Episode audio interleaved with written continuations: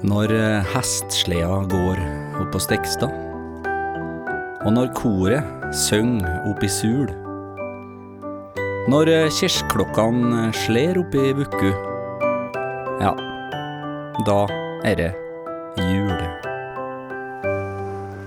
Det er altså så vakkert. Ja, du syns det? Ja, nå er du på jobb. Det er bestandig så trivelig, Roger, når du leser inn den eh, åpningslinene dine. Da kommer jeg i julestemning, altså. Nei, en eh, liten julebukk her, så. En annen bok òg, bare jul. Bukk og bjørn. Etter hvor en vil. Ja. ja, der er du god. Det har vært veldig trivelig å være sammen med deg i jula, syns jeg. Ja, det har vært veldig trivelig, og jeg syns faktisk at eh, det er av de bedre julene når det gjelder underholdning, for å si det sånn. Jeg har prøvd mye rart, Ja.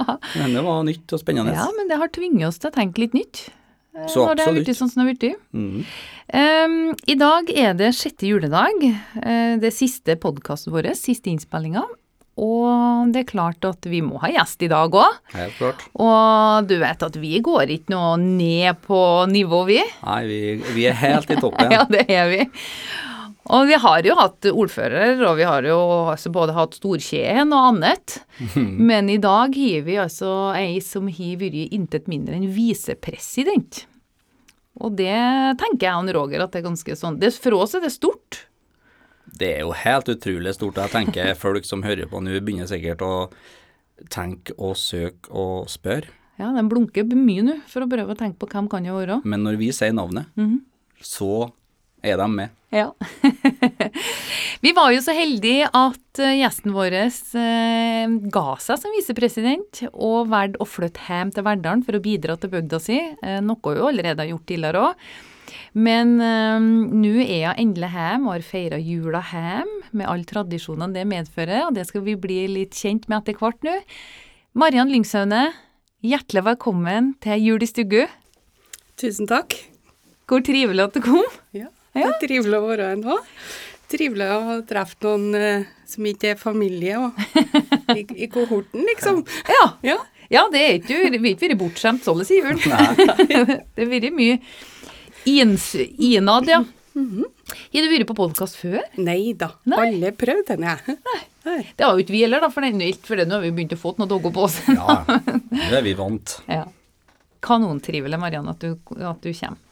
Vi skal snakke Du har, sjøl om du er ganske ung ennå, så har du et ganske innholdsrikt, eh, en innholdsrik CV og opplevd mye som vi skal igjennom. Men først da, så har vi jo lyst til å høre om jula. Du er jo vokst opp på Lyngsaune. Hvordan har tradisjonelle jula på der vært? Eh, ja, med en eh, farfar da, som eh, het Alf Lyngsune, så er det jo sånn at eh, barnebarna, i hvert fall vi som er oppvokst oppå Lyngsune, vi måtte jo lære oss å slakte gris. Før skolen farfar blir ferdig til jul, så var vi nødt til å bidra bitte lite grann. Så det var liksom grunnkurset, det, da. Ja. Gammel var du første gangen du var med på det? Nei, sikkert eh, fra så at jeg var så lite at jeg ikke husker på. For det var helt normalt. Mm. Mm. For at vi har jo grisfjøs, eh, og han slakta jo rundt om i bygda først, og så ble det jo slakta til slutt hjemme. Så, men eh, det fikk vi heldigvis lære oss, da. Ja, men er ikke det litt sånn godt å ha med seg? Det er jo ikke så mange unger i dag som opplever det.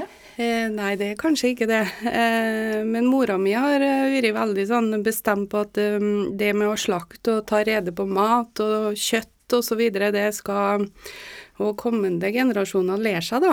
Så mine to tantebarn, de har eh, fått lov til å hylle til slaktekniven, dem òg, da. Heldigvis. Ja. Mm.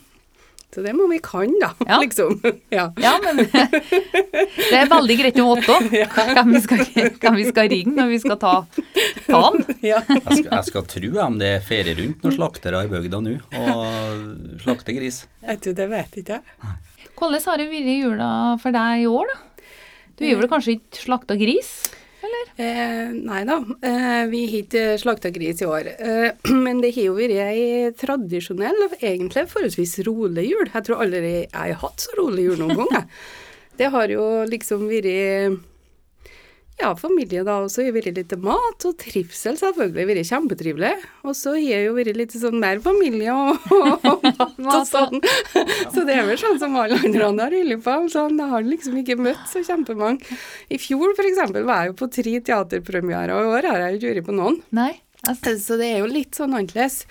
Men uh, den store liksom tradisjonene har vi jo beholdt. Og det kjennes sånn veldig sånn trygt og varmt og raust og ut. Mm. Så vi har jo en sånn uh, lang familietradisjon der at uh, den første juledag så har jeg aldri gjort noe annet i hele mitt liv enn å ete helsådd.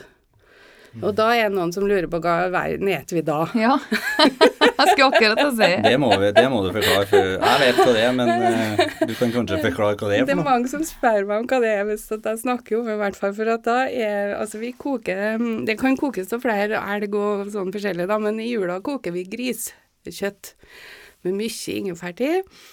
Og så eter vi soddstøe med hveteboller og gulrot til først. Og så eter vi kokt kjøtt og rekepølse og ferskpølse og potet, og så kler vi over gulrot og kraft og boller fra djuptallerken til flattallerken. Og så skal det være hjemmebakt flatbrød typer attåt. Og så skal du klare å beregne, da, så du er med på tre runder. Og så er målkrem. og så, så klarer vi ikke noe mer etterpå. Se rett på divanen. Ja. Og det har et eget begrep, da, for at uh, henne er jo en gammel tradisjon. Uh, og kjønnsrollemønstrene har jo endra seg litt etter hvert, heldigvis, må en jo si. Men uh, akkurat juledagen uh, så er det et begrep i slekta, da. og det er to team til manns. Okay. Det betyr at etter en måltid så kan alle karene som er over konfirmasjonsalder, da kan de gå og hvile seg litt. Mens eh, hvem tror dere tar oppvasken? Herregud, nå får vi kvinnegruppa Ottar på nakken, vet du. Men jeg må jo svare det er kvinnfolkene ja. over konfirmasjonsalder, sikkert det, da. det er det, vet du. Så det er akkurat det dagen så gjør vi uten å produsere, for de vil med oss bestandig det, da. Mm. Ja, men sånn var jeg på gården mm. hjem til farmor og farfar Mina. Da mm. farfar gikk på divan, han da, mens vi rydda. Ja. Så det nok vanlig, var nok mer vanlig før på gårda, da. Rundt om at det var litt mer tradisjon. Men du sa jo det, Mariann, at uh, i fjor i jula så var du på tre premierer på teater. I år har du jo selvfølgelig på noen.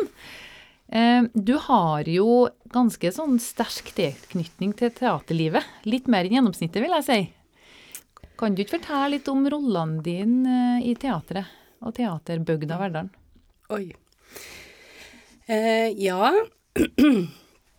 Det begynner jo for meg, da, som for veldig mange andre verdalinger, at jeg var parkeringsvakt på spillet. Eller egentlig så må jeg vel innrømme at jeg sykla til Stekstad for å se om jeg traff noen av slektningene mine, så jeg kunne få ispenger. Gikk men, på en smell, ble parkeringsvakt. ja, ja, ja, men det var liksom eh, Det, det ble stort sett en is, da. Mm. Sånn at eh, jeg var jo på Stekstad hver dag hele sommeren. I alle somrene, liksom. Og det er jeg jo for så vidt ennå, da. Mm. Ja, du har jo et veldig sterkt forhold til tekster. Vi skal komme litt inn ja, på det òg, da. Ja. Så det var liksom starten og møtet med teatret er jo å spille om Heilag Olav. Eh, men så når vi var tolv år, så var jeg med i 4H. Og da var Martin Hynne regissør for et teaterstyrs oppe i Lærodalen som het Kjære landsmenn eller slike folk og sånt pakk. Og det handla jo om innvandring og flyktninger, og det var jo Ole Paus som har skrevet en, og det var jo ganske sånn på kant Eller altså, det var satt på spissen, da. Eh, og jeg er jo helt sikker på at jeg forsto ikke noe om hva det handla om. Før Jan Marte Hallem satte opp kabaret Kongeriket og plukka fram noen til de tekstene. Og da skjønte jeg jo hva i alle dager jeg ville med på. Så det var liksom første egne møte med teatret, da. Eh, altså har en blitt litt sånn eh, Stygdalsnemnda og sminke og eh, ja, Verdal Teaterlag var den siste, med Anne Franks dagbok. Og den to siste produksjonene jeg har vært produksjonsleder på, er jo den Kjendishotellet da, i lag med Nina Myhr, og så Råneoperaen på Misås plass. Mm, ja, den var fantastisk. Ja, det var det, mm. Ja, du har jo du har jo vært med på ganske mye da, på Verdalen allerede. Og så er du jo i dag, da, det har vi jo egentlig glemt av å nevne, men uh, i dag så jobber du jo som rådgiver i kulturtjenesten på Verdal kommune. Ja. Ja. ja. Hvordan havna du dit? Eh, nei, det er jo Det er sikkert et godt spørsmål. jeg, har hvert fall, jeg har jo tatt over stillingen etter en eh, stor kulturpersonlighet i Verdalen, en Rune Dilland, som har hatt en arbeid veldig mange år før meg. Mm. Eh, og Rune han eh, sier jo til meg, da, og så gliser han, og så sier han det er jo ikke noe som har vært på stell etter du begynte, vi har ikke gått i 17. mai-tog engang, sier han. For vi har jo kommet rett inn i smillet i koronaen, liksom. Så det, han har jo helt rett, det er jo ikke noe som er på stell. Veldig lett å ta deg i år. så det syns han er veldig greit å poengtere innimellom, Ja, da. Ja. Og så kan det være greit å utnytte og nyte det i år, for det kommer nok, det kommer nok opplevelser med Mariann Lyngsene, skal vi se. Jeg husker jo det når at Rune ga seg, det var mye snakk om hvem er det som kan ta over, og det var jo veldig sånn Jeg følte jo egentlig at vi satt og venta på det på Verdalen. Vi, vi gledde oss jo veldig på at Mariann kanskje skulle søke å ta den jobben. Sånn at vi For det er, jo, det er jo en veldig spennende jobb. Du har jo utrolig mye frihet eh, der, da. Så vi skal komme tilbake til det litt senere um, i forhold til hvordan du har tenkt å utøve 2021 og framover etter koronaen, og så den Rune, spesielt Rune Dilland får høre, da. Hva det er for slags kvinnfolk, det som er ansatt etter den. Men du har jo vært Du har jo snakka så vidt om det om Stekstad, for du har jo vært mye på Stekstad. Hva, hva har egentlig Stekstad betydd for deg? Oi, det er jo et eh, kjempestort eh, spørsmål. Eh, men det har i hvert fall helt sikkert betydd at eh, jeg er veldig glad til Stekstad. Og jeg er opptatt av at Stekstad skal ha en eh, stor plass i identiteten til mm, både meg da, sjøl og, alle verdalingene. Men det har jo òg betydd at jeg har fått mange venner der, som jeg ellers kanskje ikke ville ha møtt. Eh, sånn som du møter på tvers både av generasjoner og eh, ja, sånn normale sånn, hvis du skal kalle det skjerner, da, mellom amatører og profesjonelle og sånn. Når du kommer til Stekstad og er med på en sånn produksjon, så er liksom likemannsprinsippet som gjelder. Da spiller det ikke noen rolle hva du er når du kommer inn, for da er du liksom med. Eh, og det syns jeg har vært veldig sånn greit å kjenne på, egentlig. Å være en del av det store fellesskapet. Og så har jeg tenkt eh, Ikke kanskje akkurat hva det betyr, da, men jeg har tenkt at hvis at ingen er med og bidrar, så er jo Stekstad på en måte Hvis vi ikke lager noe der hvis kultur, Jeg husker jo på når Kulturhuset ikke var der. Da spilte vi jo fotball på gjørma der. Ja, ja, Ja. Det gjorde vi. Og så tenker jeg hvis ingen bidrar til å løfte henne, så, så er det jo bare en åker, liksom. Det er bra sagt. Sant? Så, sånn at jeg tenker at vi som verdalinger, vi, og som er glad til Stekstad, da, har vi vært blitt det gjennom alle år sant? Stekstad betyr jo at jeg har samla tomflasker. Eh, For det gjorde vi jo en periode. For det var spennende. Og så betyr det jo at jeg har truffet mye folk. Så det betyr at jeg lærte meg mye og sånn. Men hvis kommende generasjoner skal få oppleve henne, så må vi jo klare oss å løfte videre, da. Det syns jeg er spennende. Tenk på.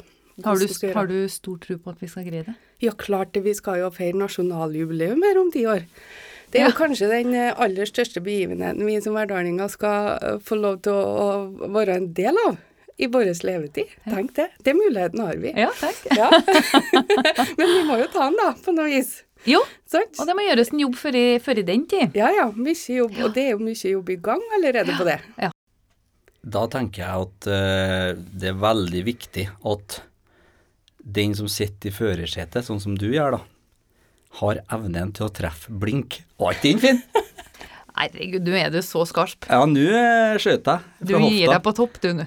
Fordi at uh, Nå har jeg gjort litt research på deg og din eh, tidligere rolle òg, og det er jo Bjørndalen blir jo, kommer jo opp tvert, ikke sant, og, og sånne navn. Skiskyting. Du har vært med og arrangert VM i skiskyting. Og hun er verdaling og den eneste som har vært med og arrangert VM i skiskyting. Du har eh, vært med og arrangert delfinale i Grand Prix Ja. på Steinkjer. Ja. Så at vi kommer oss til tusenårsjubileum, det er jeg sikker på.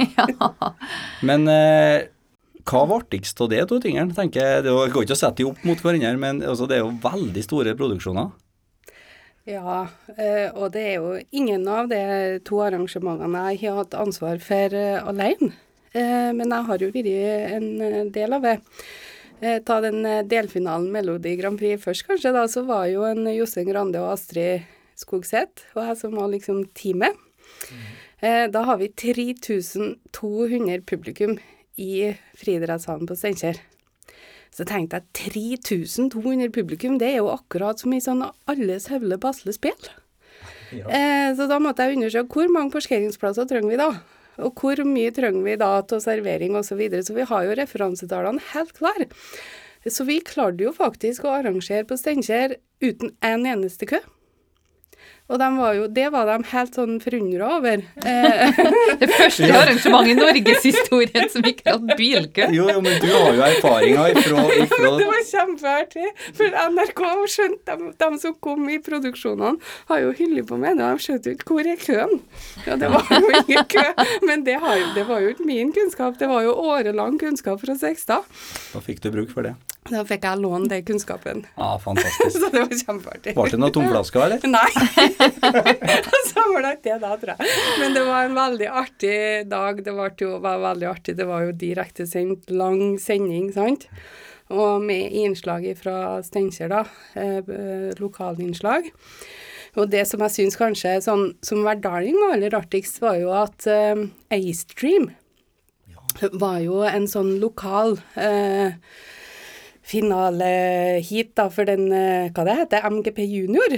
Mm. Og de gikk jo videre. De kom jo til landsfinalen. Ja, de var jo helt og var jo helt i toppen på det. Så det syns jeg jo kanskje var som personlig var aller artigst, pluss at den arrangementet gikk jo bra, da. Så det, det var en opplevelse. Ja, det. Mm. det men den ser du, det er viktig at du kommer med den kunnskapen, så vi slipper kø innover en gang det skal være noe. Men som Roger sier, så har du jo vært med og arrangert VM. Ja. Jeg har jo snakka med deg noen ganger. Da du har vært i alskens land, og du er jo hyngel med kjendisene. Og du har jo virkelig vært i kjernen av skiskyttermiljøet. Hva kan du egentlig fortelle eh, om rollen din der? Ja, oi, ja. Jeg har jeg tror jeg regner etter, og det, da begynner jeg å bli gammel, da, men jeg tror jeg holdt på med skiskyting sammenhengende i 34 år. Og så syns jeg det er så artig at jeg klarer ikke å slutte.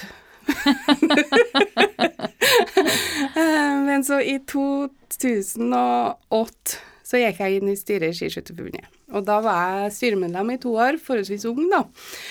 Eh, og så etter hvert så ble jeg visepresident. Organisasjon heter det da. Eh, og så var jeg jo med ut i Ja, vi var jo med og reiste både i Norge da, og ute i verden. Men så etter hvert så ble jeg ansatt og fikk en rolle der, og da het jeg bredde- og rekrutteringssjef. Og da har jeg egentlig sånn grovt snakka, da. Så jeg har ansvaret for all skiskytinga i Norge. Og så tok sportsapparatet over når de skulle ut i verden. Men eh, hvis dere tenker skiskytterorganisasjonen, så er den bitte liten. Sånn at vi hjertes jo åt med alt. Ja. Og vi kjenner, alle kjenner jo alle. Det er jo egentlig en sånn familie. Så jeg syns jo det er kjempeartig å se på TV nå. Fordi at nå har det kommet opp noen nye, sånn som Karoline Knotten og, eh, og f.eks. dameløper. Og jeg har jo vært med henne på samling i kjempemange år. Og så ser jeg at de klarer. Også Stulla og Johannes, Lille-Johannes Dale, da. Og kjenner jo foreldrene deres og noen av søsknene og sånn, for du, du, kjenner jo alle i, i henne, så det, det syns jeg er kjempeartig. Mm. Og der er jo du kjent med hva som skal til for å komme for å nå mål og komme langt. og så, En ting er å sette seg mål, men du skal jo nå dem òg. Det, mm. det, kjenner du godt til. Ja, det er jo en eh, spesiell sånn mentalitet. Det er eh, Eh, jeg tror ikke jeg kjenner noen av henne som De gir seg liksom ikke eh, før at alt er greit, eller alt er perfekt. Og om de må holde på den hærtimen ekstra for at det skal bli greit, så gjør de det. Det er liksom ikke Det er ikke noen stopp-knapp. Ja, det er jo kjempe Det er jo helt sånn for egentlig for oss helt utrolig. Jeg tenker på de skiturene vi har hatt, Roger, så er det ikke mye som ligner. Det kan vi vel kanskje se. Eh, men det som jeg syns er herlig, da Nå har vi ei dame som har vært rundt i verden og, og så fått opp alle dere, vært med og fått opp talenter, vært med sammen med de store skiskytterne våre, og de er jo virkelig store internasjonalt. Og nå holder du på å pusle opp i blommen med våre nye håpefulle. Ja. Tenk deg det, for en ressurs å få tilbake til hverdagen. Fantastisk. Helt utrolig. Jeg har jo veldig forventninger nå til at det er en del verdalinger som kommer på skjerm etter hvert. Men Går det å melde seg på? Nei, for gammel er jeg nå. Nei, det går an å melde seg på. Er det? Men det er spørsmål om alderen din tilsier at toppidrettskarrieren kanskje er passert, da. ja, det er dybdesynet der, tror jeg, som kanskje Fortell oss litt om det, Mariann, det du holder på med oppe i Blommen. Ja, eh, det er jo en helt fantastisk gjeng på, på Stekstad som har bygd et nytt, eh, helt moderne skiskytteranlegg med snøproduksjon og skiløper og det som hører til. Og så jeg er med og bidrar litt helt til den som begynner, da. Eh, Men det gjør jeg ikke helt alene, da, for det er egentlig et sånn familieprosjekt. For mamma er egentlig standplasslederen. Nå Så vel. det rykker jeg ned på rangen, skal jeg si dere. Da kommer jeg hjem. Du er ikke noen visepresident, Erik? Nei, det er ikke noen visepresident. Og, og så er jeg egentlig tantebarnet mitt som heter Julie, som er instruktøren. Eh, Så oppe i Blommen er jeg en hjelpeinstruktør. Du er en lærling nesten oppi En lærling. Eh, Og vi har i år, i høst, så har vi hatt ni rekrutter. Eh, Og det syns vi at de er ti år. Stort sett sånn cirka, i hvert fall ti år. Eh, og jeg har jo holdt på med henne noen år, som jeg fortalte om, men det er første gangen jeg har opplevd at uh, henne ungene leker at de er med i førstegangstjenesten. så det er litt sånn nytt.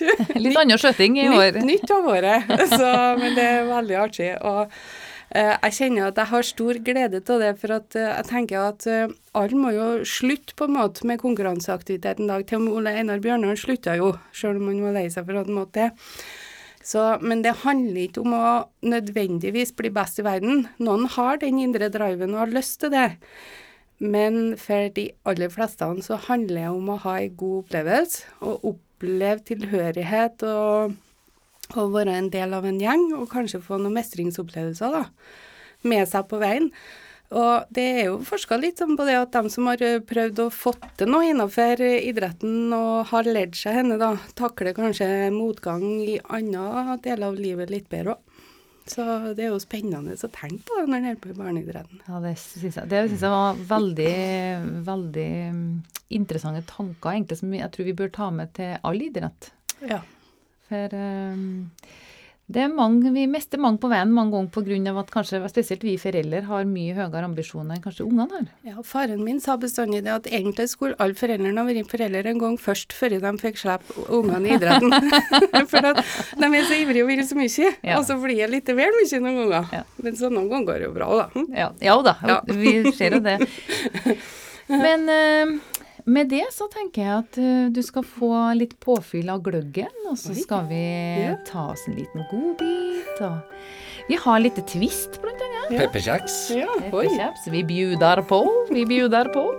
Hva er det som er favorittsjokoladen i Twist på sånn, Mariann? En sånn eh, nøtter inni. Den nut Nutti, tror jeg den heter. Julenøtter. Nøtti heter den. Nøtti, vet du. Ja. Jeg har jo banan som min eh, favoritt. Den er jo sunnest. Ja. Det er jo en frukt, det, vet du. Ja. Vi har jo alle våre eh, favoritter når det gjelder Twist. Ja. Eh, Ja, ja. Du har jo et lite sånn innspill her i starten, før vi slo på mikrofonen, at du visste noen som har Hvis en historie om favorittbiter og skuespillere. Eh, ja, jeg har jo sminka på seg eh, speilet med Ella Golam noen år.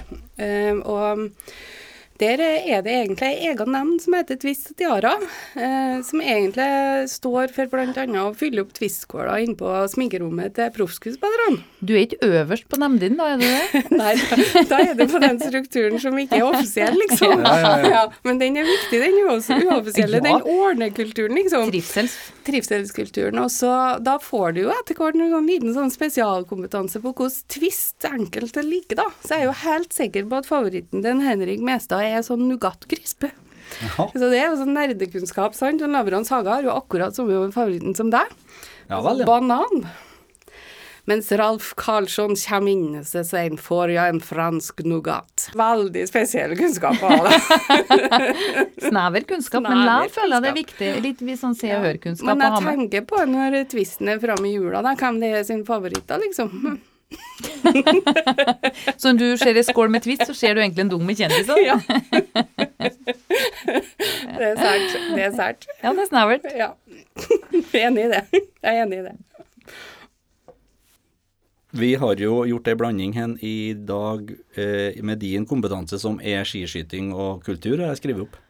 Men så har du sminken, og du har jo sminka meg òg, du. Ja, Ja. det har jeg. Det er ikke så lenge siden. Nei, ikke så lenge siden. Nei. Det var jo da når Jeg håper det er i forbindelse med teater. Ja, det er teater. Ja, okay. Det er teater. For eh, resten gjør jeg sjøl. Men eh, vi hadde jo besøk en eh, for en par dager siden av Tulla Olsenhus fra Tinnan i Verdalen. Ja. Det var jo da Gosse Nonstans var i Judehagen forrige året. Så var jo du som sminkøse der og gjorde oss så brun. Og jeg blir, jeg, jeg blir så brun og fin når jeg har fått sminke. Men det er jo en eh, Jeg tenker for, for en vei, og for et eh, Du er jo kjent med alt. Og du er kjent, og du sminker, og du Hva er det du ikke har gjort i en produksjon? Å jo, det er mye. Er det, ja? Du har ikke vært lydmann? eller? Nei, sånn lyd og lys og sånn. Jeg har jo gått lærerskolen i båten, så jeg er jo helt sånn teknisk helt bortreist. Det er kanskje ikke noe med lærerskolen å gjøre, jeg vet. Ja, jeg tenker du godt kan stø deg på den, men det er klart vi får mye hatmails på den, så det kan være tøft å gå ut med men ja, typen, du er ganske kanskje. teknisk ute å kjøre, det er du. Ja, det er ikke min sterkeste side, da. Så det prøver jeg altså å styre unna. Det er lurt, tror jeg. Men eh, altså har jeg jo prøvd sånn litt sånn forskjellig, da. Mm. Ja. Litt uredd. Du, du tar utfordringer, og du vil gjerne eh, prøve. Ja, jeg vet ikke helt om jeg Jeg er, tror kanskje jeg er kjemperedd, egentlig. Fordi at jeg vet jo ikke helt bestandig hva han hiver seg uti. Eh, men jeg tror egentlig jeg har en sånn, eh, noe som bor inni meg som sier at jeg må være med og hjelpe til med noe. Mm. Og så må jeg hjelpe til med det liksom jeg får til, da. Eh, og så er det som kanskje driver litt. Eh, og så etter hvert som en gjør seg erfaringer, så får en jo til mer og mer, og så skjønner en begynner å skjønne hvordan ting henger i hop, og så, og så er kanskje det aller, aller viktigste at en etter hvert som en blir kjent med folk i et nettverk, også, også at en skjønner at en må spørre om hjelp, da. For det er jo ikke alt en får til. Nei, det er veldig godt poeng, og det tror jeg veldig mange kan bli flinkere til. Ja, Ja. det tror jeg òg. Men jeg er jo Jeg tenker, nå har vi jo blitt ganske godt kjent med deg, og i hvert fall jeg sitter jo igjen med veldig den følelsen av at du er, du er dame med veldig mye positiv guts, da. Og som kommer til å få til alt det du har fått til. Men jeg gleder meg òg veldig mye på alt det du skal få til.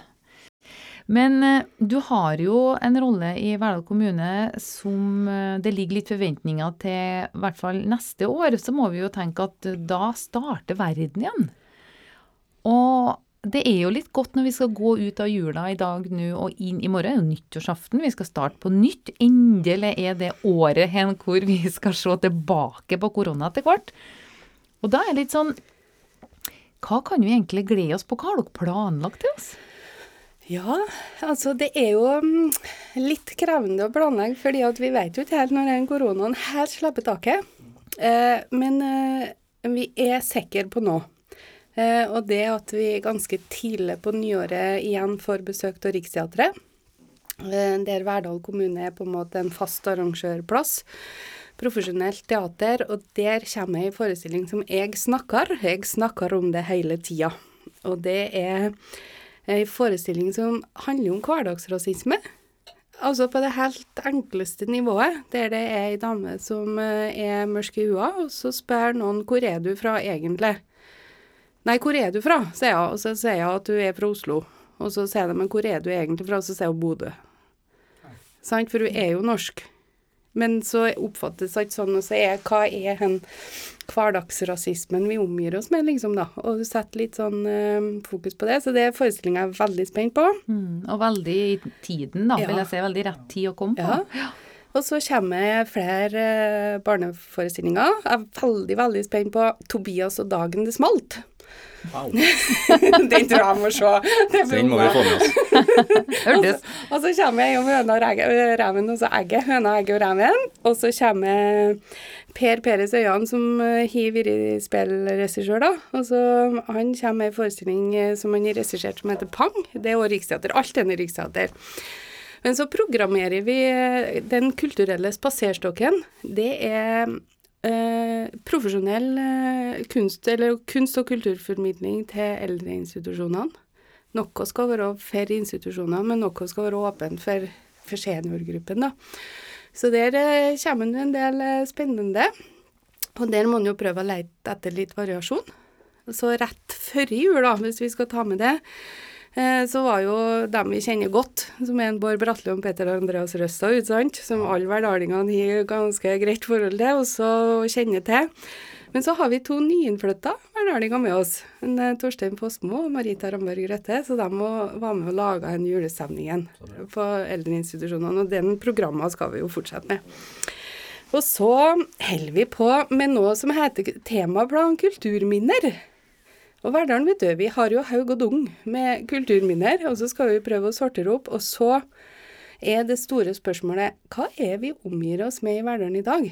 Som vi tar helt som en selvfølge, men som vi skal prøve oss å ta rede på for ettertida. Altså for om 200 år. Hva skal være igjen etter oss, da? Skal, altså, da snakker ikke jeg om gravhaugene og sånn, for de er på en måte registrert og sånn, men det vi har i dag, som vi tenker på som helt normalt. Så det er ei gruppe som skal begynne å sortere, da. Og så er jo selvfølgelig, jeg nevnte det jo i stad, for jeg er jo veldig gira på det da med å begynne å bu seg, og begynne å glede seg på et nasjonaljubileum i 2030. Det, vet Det- du, jeg får sånn håp for året som kommer, du. Ja, det er helt fantastisk. Og så er det en ting til, da. Ja. Som vi, vi aner ikke egentlig helt ennå hva vi skal, da. Men eh, det kan jo hende at Norge blir friskmeldt, da, liksom. I år. Jeg tenker at vi skal strekke oss etter den tanken, da. Ja, Ja. vi må det. ja. Jeg tror at alle, vi, må, vi må spekulere litt på eh, hva gjør vi da? ja. Godt spørsmål. Ja, det syns jeg er et godt spørsmål. Og det, vi gleder oss til vi ser svaret. Ja. Det vil jeg bare si. Ja. Og med de ord, tenker jeg, så sier vi riktig god jul eh, den dagen som er igjen, Mariann. Og ikke minst riktig godt nyttår. Og tusen takk for all jobben du har gjort, og vi gleder oss til alt du skal bidra med neste år. Godt nyttår. Løkk med nyåret. Godt nyttår, ja.